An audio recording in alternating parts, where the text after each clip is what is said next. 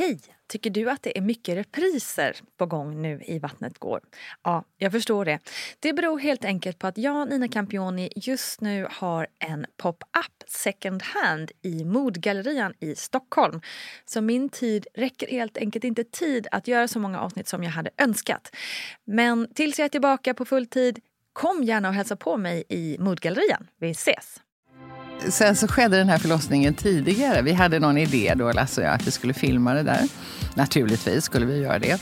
Eh, och han skulle filma och jag skulle vara ljudtekniker i vanlig ordning. Jag tänkte jag, jag, jag får väl ha bandspelaren vid sidan om sådär och ladda banden lite sådär under mellanverkarna. Jag hade noll koll på hur det här skulle gå till. Hej kära vänner och lyssnare och välkommen till ett nytt och färskt avsnitt av Vattnet går med mig Nina Campioni. I det här avsnittet kommer ingen mindre än Gudrun Schyman på besök. Och det är en drömgäst för mig på väldigt många sätt. Och jag ska erkänna att jag var något nervös inför det här mötet. Man blir ju det när man träffar en livslevande idol sådär liksom. När jag var yngre så var det Axl Rose man längtade efter. Nu är det Gudrun Schyman. Men ungefär samma rock'n'roll. Ja, typ i alla fall. Gudrun är en kvinna som knappast behöver någon längre presentation. Jag tror de flesta av er känner till hennes politiska karriär och att hon numera är partiledare för framgångsrika Fi. Men kanske känner inte alla till att Gudrun har två barn, Dan och Anna. Och vi kommer också under programmets gång prata väldigt mycket om en speciell film. En del av er kanske har sett den i skolan eller så. Men om ni inte har det och blir nyfikna så går det att se den online på filmarkivet.se. Sök då bara efter födelsen där. Innan vi börjar ska jag också presentera Gudrun Abascal, barnmorska och grundare av BB Sofia för dina kloka åsikter och kunskaper genom programmet. Men nu hör ni, nu kör vi tycker jag. Gudrun Schyman, varsågoda. Have catch yourself eating the same flavorless dinner three days in a row? Dreaming of something better? Well, hello fresh is your guilt free dream come true baby. It's me, Gigi Palmer. Let's wake up those taste buds with hot, juicy pecan crusted chicken or garlic butter shrimp scampi. Mm. Hello Fresh. Stop dreaming of all the delicious possibilities and dig in at HelloFresh.com. Let's get this dinner party started. When you're ready to pop the question, the last thing you want to do is second guess the ring. At Bluenile.com, you can design a one of a kind ring with the ease and convenience of shopping online. Choose your diamond and setting. When you find the one, you'll get it delivered right to your door. Go to Bluenile.com and use promo code LISTEN to get $50 off your purchase of $500 or more. That's code LISTEN at Bluenile.com for $50 off your purchase. Bluenile.com code LISTEN. Planning for your next trip? Elevate your travel style with Quince. Quince has all the jet setting essentials you'll want for your next getaway, like European linen, premium luggage options, buttery soft Italian leather bags, and so much more. And is all priced at 50 to 80% less than similar brands. Plus, Quince only works with factories that use safe and ethical manufacturing practices. Pack your bags with high-quality essentials you'll be wearing for vacations to come with Quince. Go to quince.com/pack for free shipping and 365-day returns. Hi, I'm Daniel, founder of Pretty Litter. Did you know cats tend to hide symptoms of sickness and pain? I learned this the hard way after losing my cat Gingy. So I created Pretty Litter, a health monitoring litter that helps detect early signs of illness by changing colors, saving you money and potentially your cat's life. Pretty Litter is veterinarian developed, and it's the easiest way to keep tabs on your fur baby's health right at home. Go to prettylitter.com and use code ACAST for 20% off your first order and a free cat toy. Terms and conditions apply. See site for details. Du har två barn. Jag har två barn. Precis, mm. Dan och Anna. Mm. Hur planerade var de? Och de var väldigt planerade och väldigt efterlängtade. Jag eh, levde ju då ihop med en man som hade barn sedan tidigare. Så han var ju inte sådär jätteintresserad egentligen från början. Men jag eh, upplevde väldigt starkt att jag ville ha barn. Och då var ju jag 28 eller någonting sånt där. Och eh, jag övertalade honom att vi skulle skaffa barn tillsammans. Det var inte så jättesvårt, ska jag säga. Men det var inte självklart från början. Och sen när det beslutet blev fattat så tog det väldigt lång tid innan jag blev med barn. Mm. Och jag tyckte det var otroligt jobbigt. Alltså jag som hade under så lång tid använt eh, alla möjliga medel för att undvika att bli med barn så gick jag och tog bort den där spiralen jag hade och så tänkte jag när jag gick ut från sjukhuset att nu blir jag med barn. Mm. Bara genom att andas luften. och så visade det sig att det var inte alls eh, lätt. Och vi höll på verkligen väldigt intensivt med det där i säkert ett och ett halvt år. Okej. Innan jag faktiskt blev gravid. Mm. Gjorde ni något särskilt? eh, Nej, det var bara... vi, vi var flitiga bara. Ja. Det var ju ganska eh, tröttsamt och Mm. ganska eh, deformerande för sexlivet får man ju Mm. säga. Jag försökte ju det här med eh, du vet, eh, se alltså, temperatur och man ska se när man har ägglossning och sådär. Oh, till slut sa jag så här, ja, men vi kör varje dag, då Ja. missar vi ingenting. Nej, precis. Det är inte dåligt jobbat kan jag Nej, säga. det var inte dåligt jobbat. Vi höll vi på under en ganska intensiv period med det. Sen kände jag så här, nej, vi får lägga ner. Eh, och eh, då blev jag naturligtvis med barn. Ja. Det är ju en del psykologi i det där Mm. också. Mm. Den graviditeten var väldigt, väldigt efterlängtad. Mm. Men hur var det? Jag tänker, för idag är det så himla enkelt. Det finns så mycket eh, temperatur, alltså det finns så mycket appar och Ja, möjligheter ja, att ja. ha koll på det där med ägglossning. Men hur var det då? Nej, då fick man ju ta, ta tempen. Helt Vanliga enkelt. klassiska. Ja, vanliga klassiska. Mm. Eh, och det, det gick ju det också. Men det, ja, det, alltså det hjälpte ju inte mig då. Nej. Utan det som hjälpte var ju sen när jag slappnade av och tänkte Mm. att okej då, blir det inte så blir det inte. Och då blev det ju. Var det enklare då med andra gången? Andra gången jag blev med barn så var det absolut. Det, alltså det är inte mer än ett och ett halvt år emellan dem. Så att det var ju inte ens då riktigt planerat sådär. Men det var också en, en graviditet som vi tog emot med öppna armar. Verkligen. Fast det var inte så att nu, nu sätter vi igång igen lite intensivare för att vi ska ha ett barn till. Utan då bara blev det. Hur var det då att ta, eh, tog, alltså, förlåt mig om jag låter som att du är lastgammal, det menar jag inte. Men Ja. hur var det när man skulle ta reda Ja, på att det- man var gravid på den tiden? När man skulle Ta reda på att man var gravid. Alltså jag tänker, Ja, hur gjorde ja men jag man bara, då? det är ju en del. Alltså, eh, min son som ju föddes först, han är ju 37. Mm. Så det, är ju, det har ju hänt en del sen dess. Jag tror, alltså, jag minns inte riktigt, men jag tror det var det här med man köpte någon sticka. Ja, det var så då ja, också. Mm. ja, det hade kommit då, så jag okej. kollade urinen. Mm. Sen mådde jag så illa Ja, du gjorde det. första tiden. Jag spydde på morgnarna. Det var ett elände det där. Mm. Ända tills det började synas. När magen började puta, då släppte det där Mm. illamåendet. Så sen så mådde jag väl rätt bra vad jag kommer ihåg. Var det Faktiskt. någonting du kunde göra åt eh, illamåendet som hjälpte? Nej, inte något. Jag försökte äta frukost, sen var det bara att låta bli. Mm. Men jag, vet, jag, jag kommer ihåg det där. Jag bodde, jag, var ju, jag bodde i Stockholm, jag bodde utanför. Jag skulle åka någon sån här buss ifrån, ja, långt var det ju, slingrande vägar. Och det var ju, ett, det var ju en pina varje morgon man skulle gå igenom den där persen. Och var det också sådär att man helst inte skulle säga något till någon där i början också, eller hur? Ja, i alla fall inte på bussen. Nej, nej förstås. Men i övrigt så var det inga, inga spärrar. Tvärtom, jag tror jag pratade med alla om det där. Jag tyckte det var så fantastiskt. Ja, det är klart. Sen var det ju så, vet du, att jag jobbade ju på den tiden.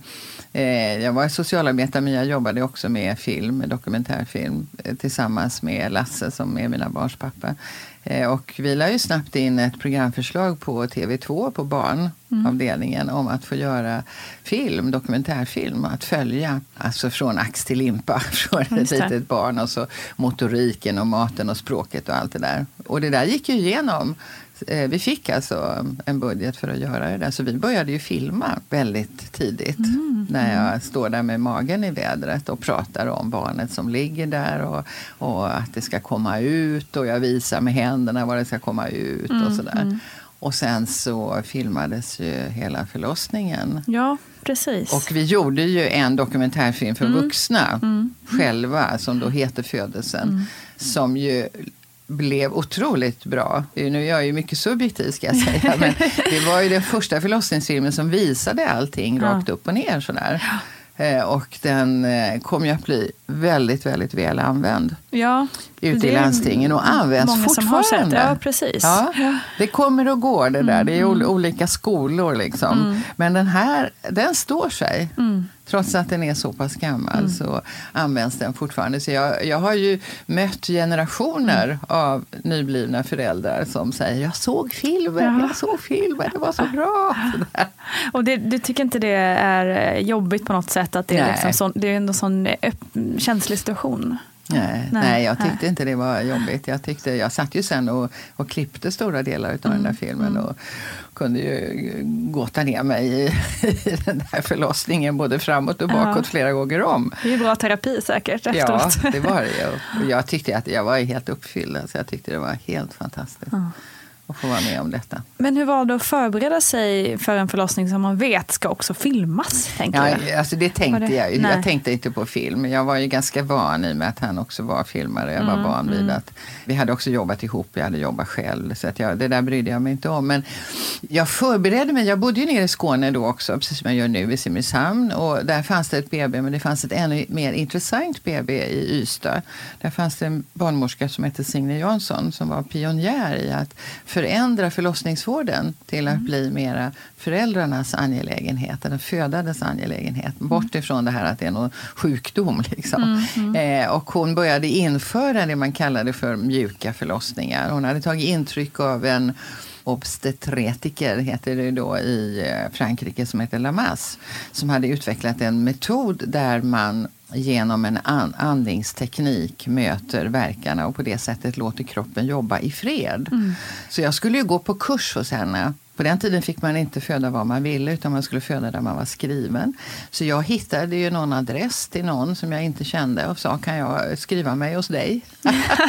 jag förklarade alltihopa och så sa han ja visst. så jag gjorde det då, eh, några, någon vecka, några veckor innan förlossningen. Sen så skedde den här förlossningen tidigare. Vi hade någon idé då, Lasse och jag, att vi skulle filma det där. Naturligtvis skulle vi göra det. Eh, och han skulle filma och jag skulle vara ljudtekniker i vanlig ordning. Jag tänkte jag, jag, jag får väl ha bandspelaren vid sidan om sådär, och ladda banden lite sådär under mellan verkarna. Jag hade noll koll på hur det här skulle gå till. Och sen så så hade vi börjat en sån här psykoprofylaxkurs men vi hade inte hunnit liksom, gå alla gångerna. Vi hade kanske gått en gång. Och så satte förlossningen igång och då precis hade Lasse fått ryggskott så han kunde inte röra sig nästan. Eh, och du vet, vi hade beställt utrustning, den hade inte kommit. Det, var väldigt, det blev liksom väldigt kaotiskt allting. Och då, då fick vi ändå tag på några kollegor som var i södra Sverige som lovade att ställa upp under förutsättning att det klarades av på en dag det där.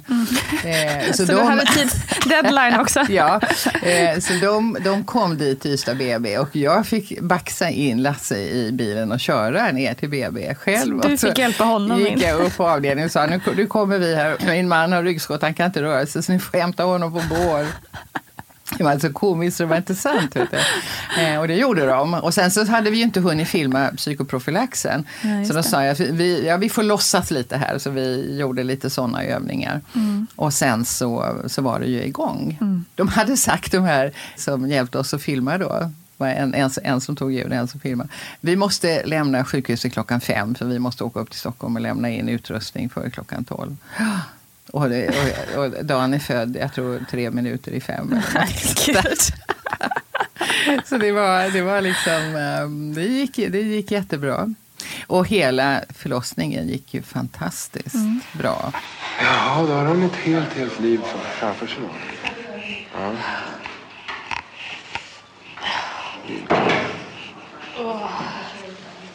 Har du tagit i så här någon gång?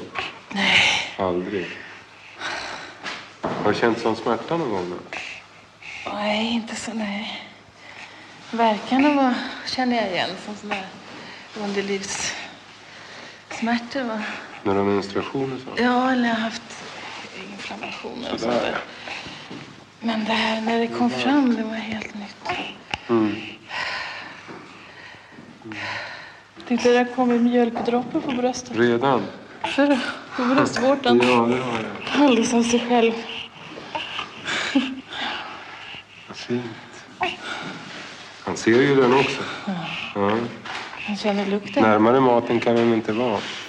Hur, hur pass eh, tidigt eh, gick det igång? Alltså var du, hur, kommer du ihåg vilken vecka det var? Eller Nej, men, ja, det var t- 14 dagar innan. 14 dagar innan? okej. 14 dagar innan Mm. beräknat. Och gick vattnet då? Eller hur, Eh, ja, så- det gick väl där på... på jag, jag tror jag var nere på sjukhuset där och träffade Signe då för att förbereda lite. Och då, då sa hon jag kan känna hur det känns och då Ja. var det redan öppet Jaha, ett par centimeter. Så Ja. hon sa åk hem och sov men kom imorgon bitti. Ja, ja. Du, du hade inte märkt det alls Nej, då? jag hade inte märkt det. Och sen satte det ju igång.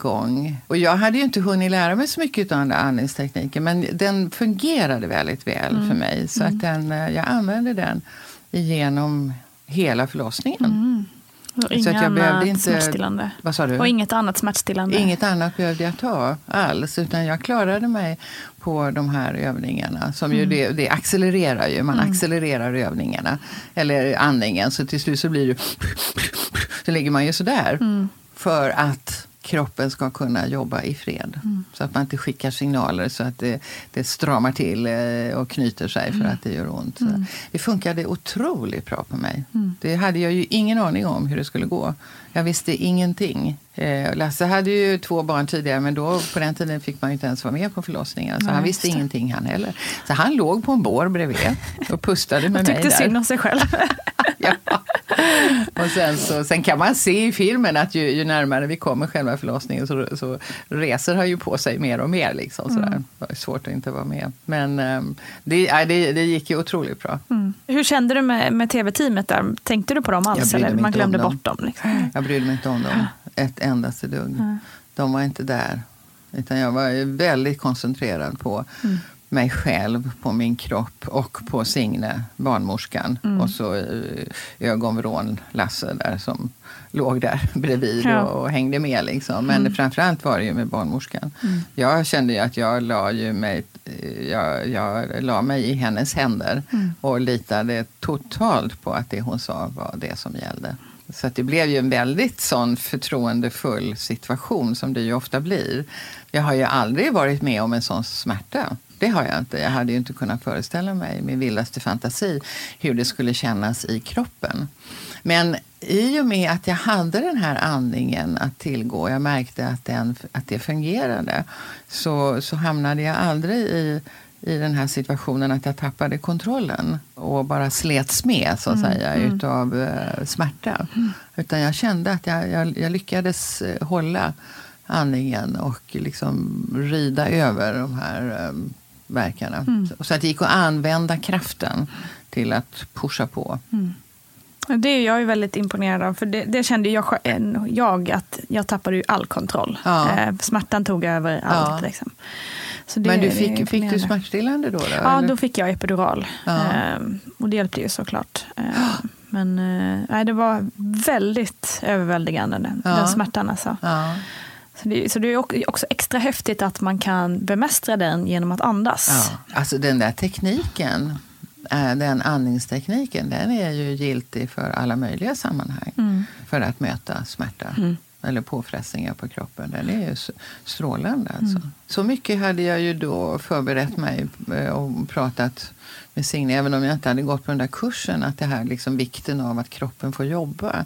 Att kroppen får hålla på, att musklerna får jobba, att man inte signalerar motkrafter och, och sådär. Och jag, var, jag var rätt fascinerad över kroppen överhuvudtaget Mm. under hela graviditeten. Hur, hur eh, klok kroppen var. Jag, jag som aldrig dricker mjölk satt plötsligt och bälgade i mig mjölk för att Mm. jag behövde järn, till exempel. Mm. Jag, jag rökte, det slutade jag med. Det Utan ville, problem, liksom. Det ville inte kroppen. Nej. Var, Mm. jag, jag gjorde såna där saker som eh, jag förstod att alltså det var så kraftiga signaler från kroppen. Så jag Mm. blev otroligt imponerad. Ja, det är, det är verkligen häftigt. Mm. Och men när det gäller rökning där, för det var ingenting man, på den tiden visste man inte att det Nej, var man något tog man inte borde så sluta med. allvarligt på det Nej. på den tiden. Nej. Det var väl ingen som försvarade just, men det var ju inte någon som sa så här att nu måste du sluta röka. Nej, eller det. Så. Var det något annat som var sådär, det här får du inte göra eller det här får du göra, om man jämför med hur det är idag? Nej, det tror jag inte. Inte, inte vad jag vet. Nej. Nu är ju inte jag nära Nej. graviditeter på det sättet, så jag vet ju inte riktigt. Nej. vad, Men idag är det ju mycket sådär med ostar och viss fisk och, och så som man Aha. inte ska äta. mycket sånt? Nej, nej. det, det, det, kommer jag inte ihåg. Jag minns bara min egen orientering. Dels till mjölk som jag aldrig dricker annars och till, eh, jag ville ha lever. Mm. Ja, det gillar inte jag annars. Nej. Det är också mycket järn. Mm. mm.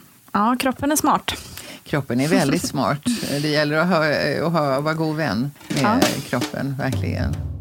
Vad skulle du säga är de största skillnaderna egentligen på föda barn på 70-talet och nu? Ja, är det några skillnader överhuvudtaget? De kommer ut samma väg och Eh, ser ganska lika ut och det går till på samma sätt, eh, tycker jag. Men det är klart att det har hänt mycket. Framförallt inställningen till att föda barn, förhållningssätt och sådana saker. Hur jag, hur jag tänker kring mitt födande. Om jag ska, nu blir det väldigt generellt naturligtvis. Om jag tänker då på 70-talet så tycker jag att då var det mycket så här kvinnor kom in och gjorde som barnmorskan sa. Och eh, de var glada om barnet var friskt och de själv mådde bra när de gick därifrån. Alltså det handlar mer om det här medicinskt säkert. Hade inte så mycket det började komma på slutet på 70-talet, man hade mer åsikter. Men annars så var det ganska tyst. Förlossningsrädsla fanns det inte så mycket om som man pratade om.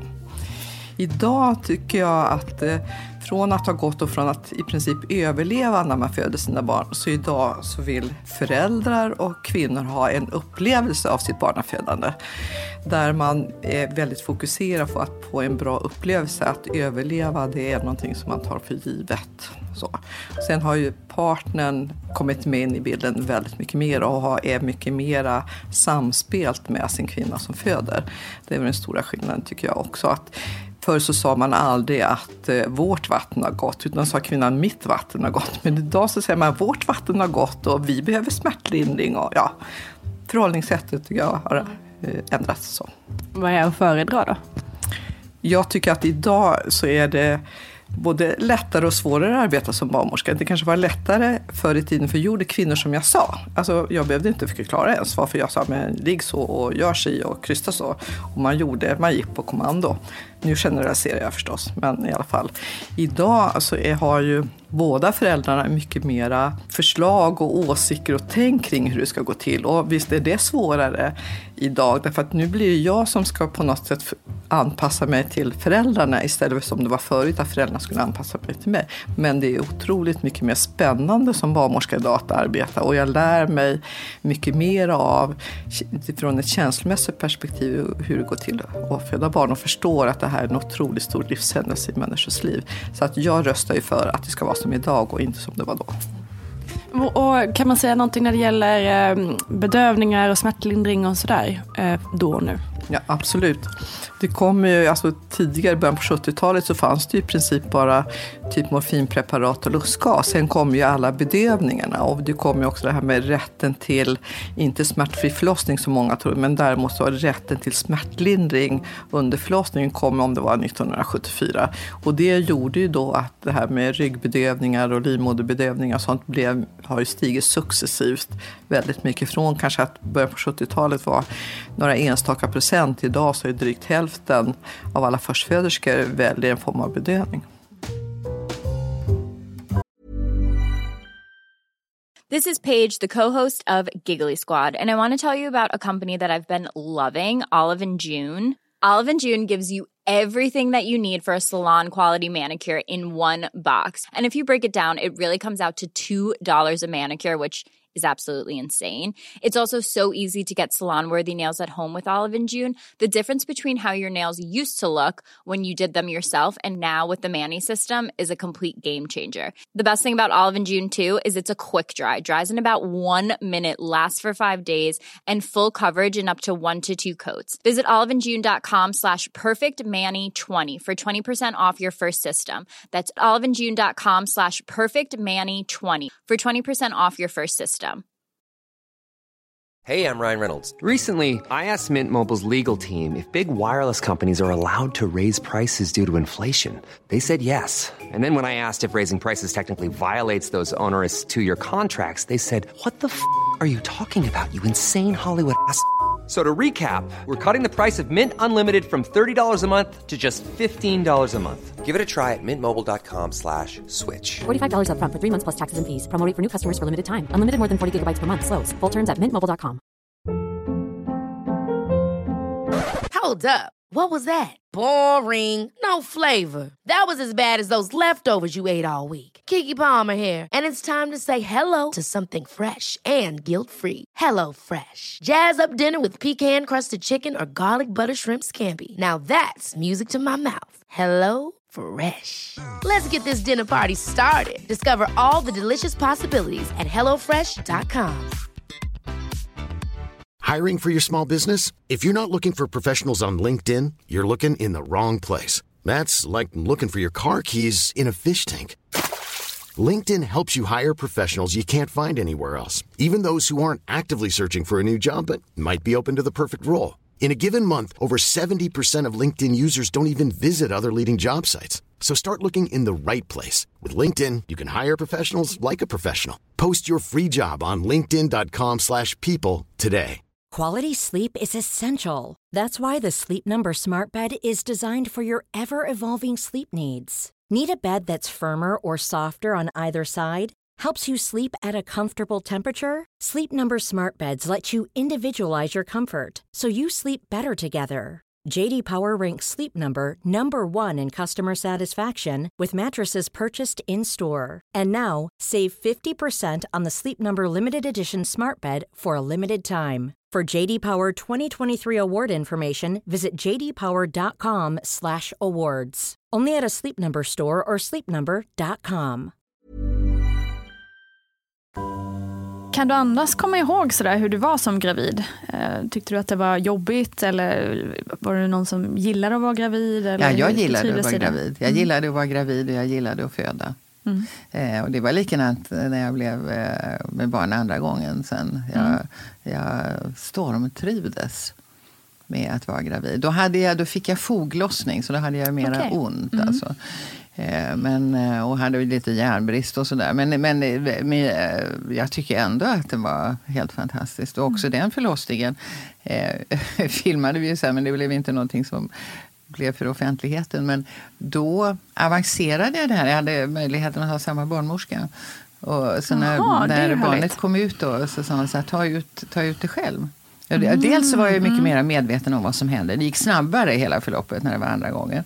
Eh, och så kände jag liksom hur, hur barnet åkte ner i den här liksom i kanalen. Det, jag kände Mm. hur, vad som hände inuti kroppen.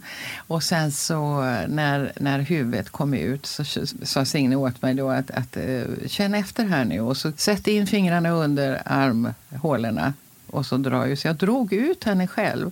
Wow. Ja, det var verkligen wow. Mm. Eh, Och så la jag henne direkt själv på bröstet så här.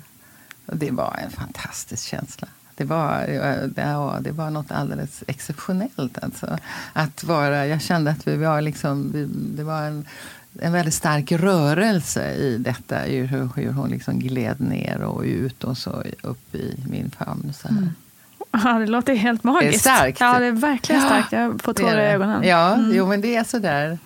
Eh, Men jag var ju, efter första förlossningen så var jag så här, jag var helt euforisk. Mm. Och, och tänkte att jag förstår inte att folk inte pratar mer om det här. Att det liksom, jag, jag, var, jag var verkligen hög på den Ja, här det var det. upplevelsen. Ja, Eh, och då, då låg man ju på såna här fler, fler salar. Och då var det Mm. någon kvinna där som, vars man inte ville vara med. Som gärna ville ha med någon. Och sa jag är med, jag är med. Jag, jag, jag, måste, jag tänkte jag måste kolla om det är så här oerhört starkt. Mm. Också när någon annan föder. Eller om Mm. det bara är för att jag födde själv. Men det var väldigt starkt. Eh, jag var med eh, henne genom den förlossningen. Och, och hjälpte till och andades och sådär. Och sen när, när barnet kommer ut, alltså tårarna bara rann. Mm. Också på mig. För att det är så oerhört starkt, detta liv som manifesterar sig då. Det, så efteråt så har jag sagt så att jag skulle jag göra någonting annat i livet så skulle jag byta bana så skulle jag bli barnmorska. Mm. Jag kan inte tänka mig att man kan ha ett bättre jobb. Ja, det verkar väldigt häftigt.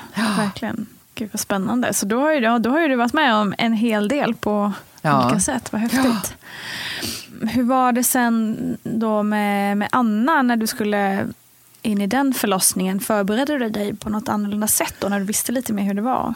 Nej, det gjorde jag inte. Och då gick jag nog ingen kurs alls. Utan jag tänkte att det, det håller. Mm. Och då, jag hade inte den tiden heller. Jag hade, hade jag ju ett litet barn hela, hela tiden där.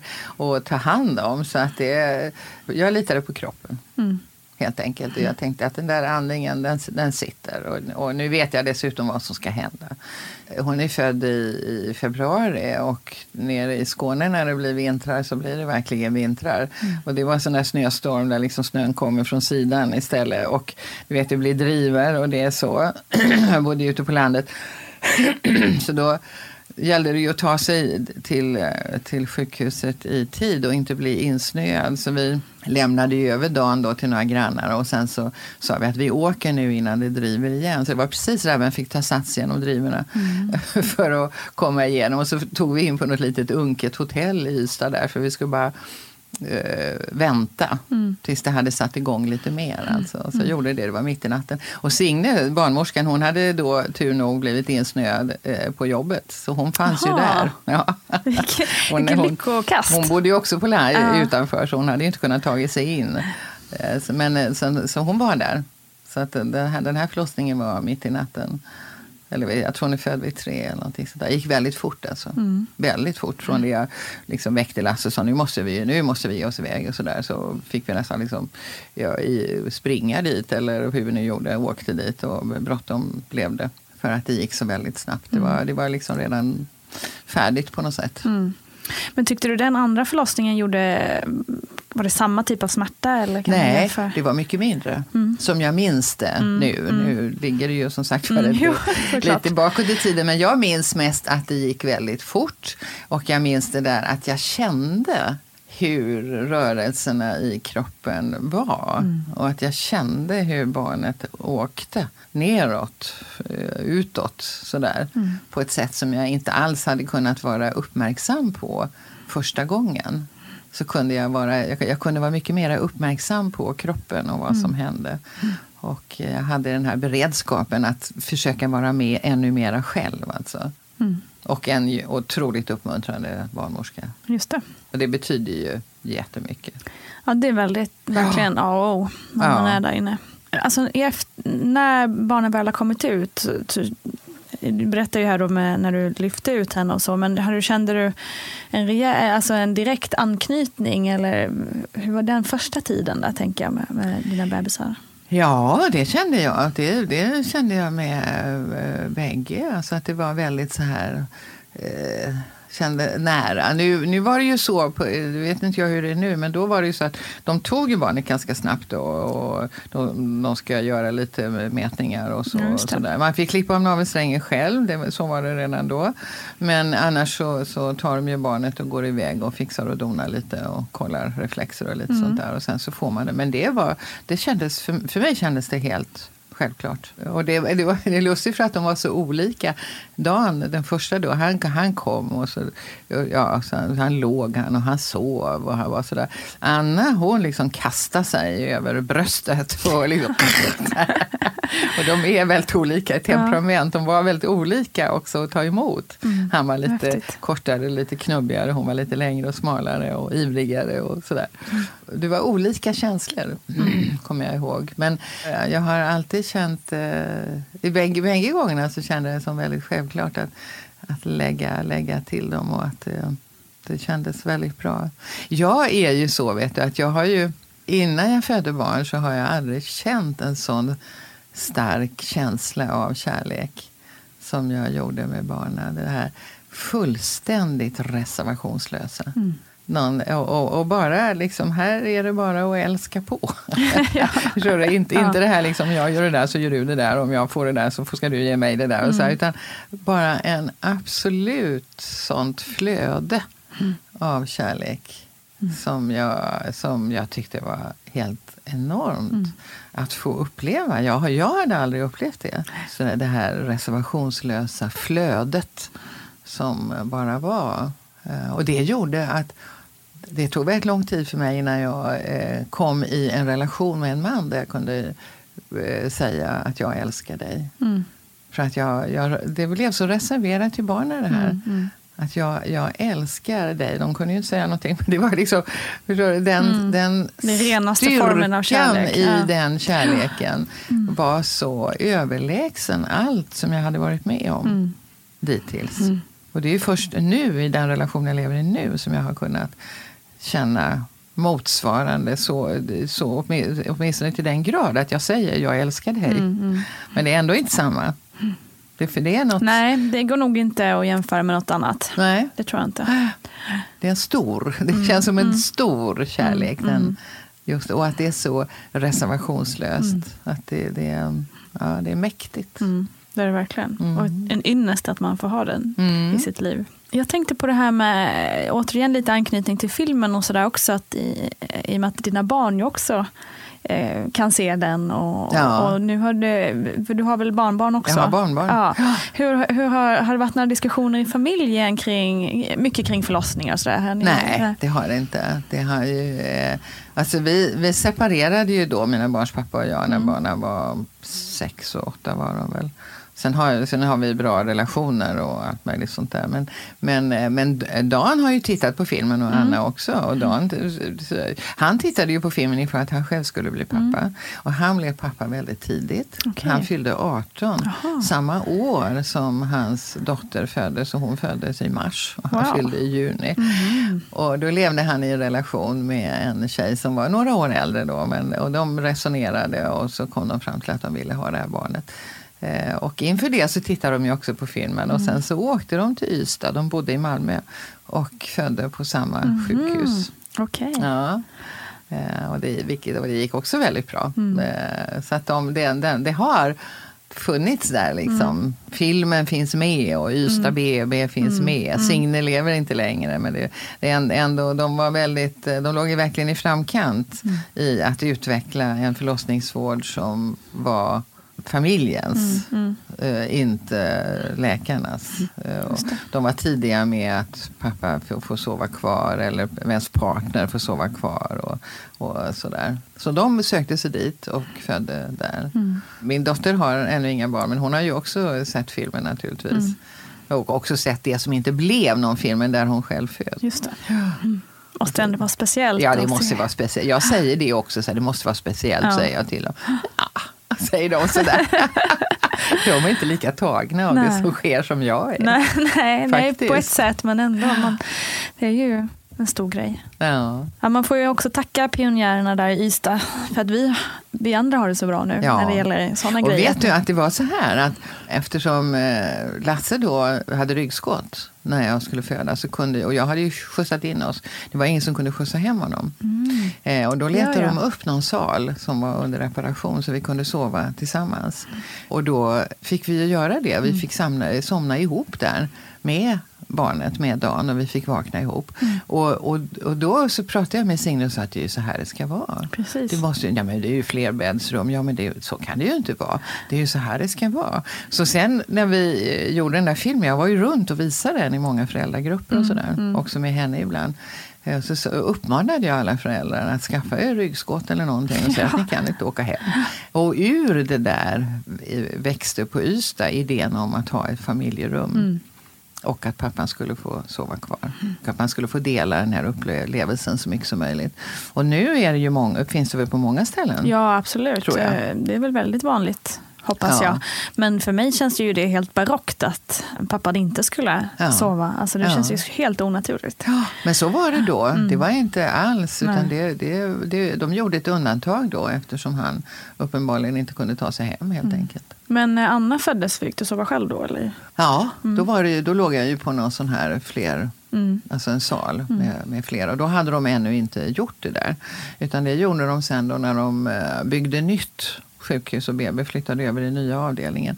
Då inredde de ett särskilt familjerum och de eh, gjorde också ett rum med en bassäng så man kunde sitta och slappna av i vattnet och sådär. Och sen blev det ju det som var standard liksom. Mm. Men de var ju väldigt tidiga. Tur det är folk som är tidiga Ja. när kommer ut. Nu för tiden är det väldigt mycket snack kring en så här, att man ska packa sin BB-väska och så vidare. Och man ska ha med sig det ena och det andra. Var det en grej också på 70-80-talet? Man, Nej, inte som jag kommer ihåg. Jag minns inte att jag packade någon väska. nej. Jag minns inte, nu var det ju lite bråttom. Mm, förstås. åtminstone första gången. lite oplanerat sådär, men jag kommer faktiskt inte ihåg det. Det, det. det skulle jag väl ha kommit ihåg om det var någon grej, men Mm. det var det nog inte. Vad ska man ha med sig? Nej, men nu snackas man ska ju då ha dels kläder förstås till barnet och sen att man ska ha mjukisplagg till sig själv och det ska vara såna här bh-kupor och det ska vara bindor och det kanske lite godis, kanske en iPad med film om det, du vet, om man blir liggande länge och sådär. Så det är mycket sånt. Aha.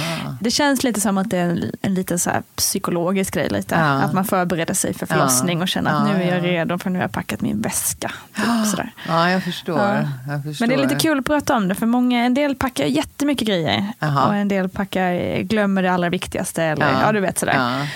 Så det är en liten kul grej. Hur, hur den har liksom fått lite, vilken innebörd en liten väska Ja, har fått. ja. Men vad skulle du vilja säga till eh, tjejer och kvinnor idag som eh, antingen är, vill bli gravida eller kanske är på väg in i en förlossning? Har du, någon, har du något råd? Eller? Nej, alltså om, eh, till den som är, som är gravid och som ska eh, föda så skulle jag råda att läsa på.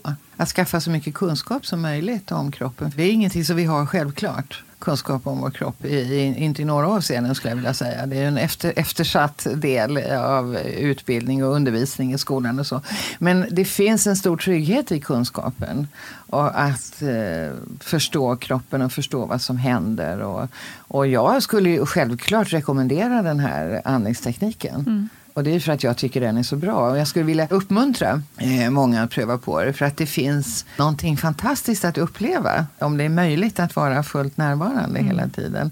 Att inte behöva ta smärtstillande av något slag. Det, det ska man göra. Det är inte så. Jag vill på inget sätt liksom säga att det ena är bättre än det andra. Men laddad med kunskaper så har man i alla fall större möjligheter att möta kroppens reaktioner. Och också med en större uppmärksamhet på kroppens reaktioner så är risken att gripas av panik mindre. Så det, det skulle jag vilja uppmana många att göra. Och, och att testa de här enkla övningarna med att hålla en arm i knuten och andas eller något ben i luften och andas. Och liksom känna på hur, hur, hur är min kropp i såna här situationer.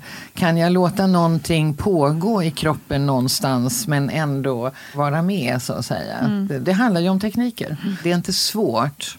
Sen är man olika lämpad för det. Det är fantastiska upplevelser eh, som man kan få vara med om, om, om det fungerar väl. Mm. Och jag tror förberedelser jag är, är det, det klokaste. Toppen tips. Jag tänkte också på det här med, i och med, att, eh, med Dan, där, att ni försökte ganska lång tid innan det, det Ja. blev något. Ja. Har du några eh, tips och råd? För jag tror att det är många som, som hamnar i samma situation. Ja. Att man, Ja, det är, men det är ju så lätt att säga skit i det. ja. Så, tänk på något annat. det, är, det, det är ju det bästa nat- naturligtvis. Koppla av, lägg ner. Tänk inte på det. Desto större är ju möjligheterna. Men det är ju så otroligt lätt att säga men det är så svårt att göra.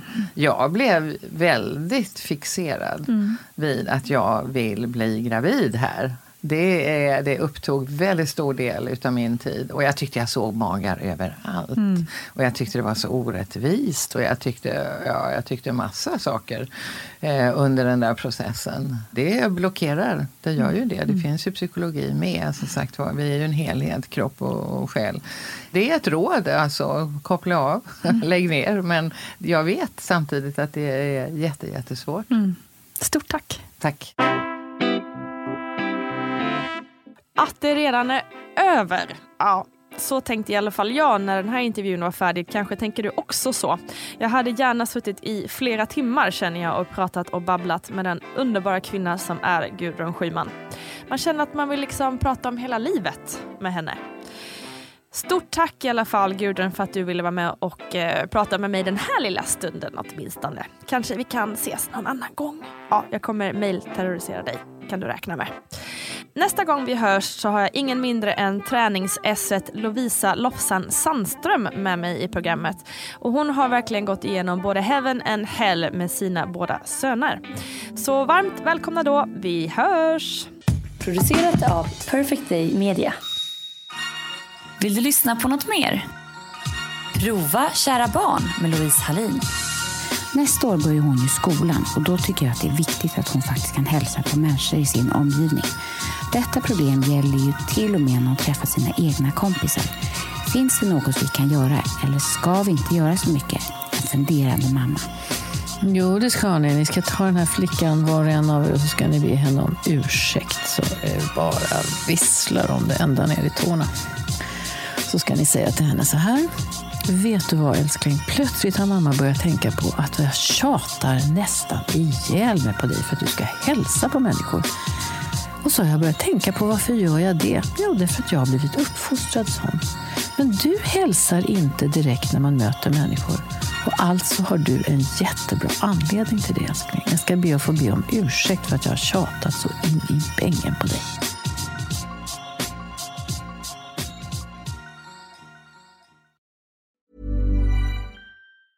Hi, I'm Daniel, founder of Pretty Litter. Did you know cats tend to hide symptoms of sickness and pain? I learned this the hard way after losing my cat, Gingy. So I created Pretty Litter, a health monitoring litter that helps detect early signs of illness by changing colors, saving you money and potentially your cat's life. Pretty Litter is veterinarian developed, and it's the easiest way to keep tabs on your fur baby's health right at home. Go to prettylitter.com and use code ACAST for 20% off your first order and a free cat toy. Terms and conditions apply. See site for details. Mom deserves the best, and there's no better place to shop for Mother's Day than Whole Foods Market. They're your destination for unbeatable savings, from premium gifts to show-stopping flowers and irresistible desserts. Start by saving 33% with Prime on all body care and candles. Then get a 15-stem bunch of tulips for just $9.99 each with Prime. Round out Mom's menu with festive rosé, irresistible berry chantilly cake, and more special treats. Come celebrate Mother's Day at Whole Foods Market.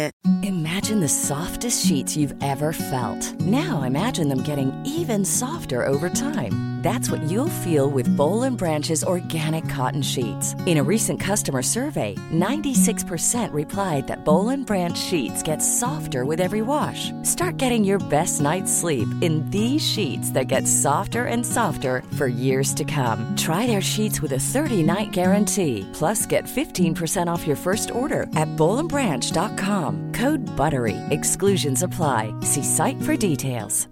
Even when we're on a budget, we still deserve nice things. Quince is a place to scoop up stunning high-end goods for 50 to 80% less than similar brands. They have buttery soft cashmere sweaters starting at $50, luxurious Italian leather bags, and so much more. Plus, Quince only works with factories that use safe, ethical, and responsible manufacturing.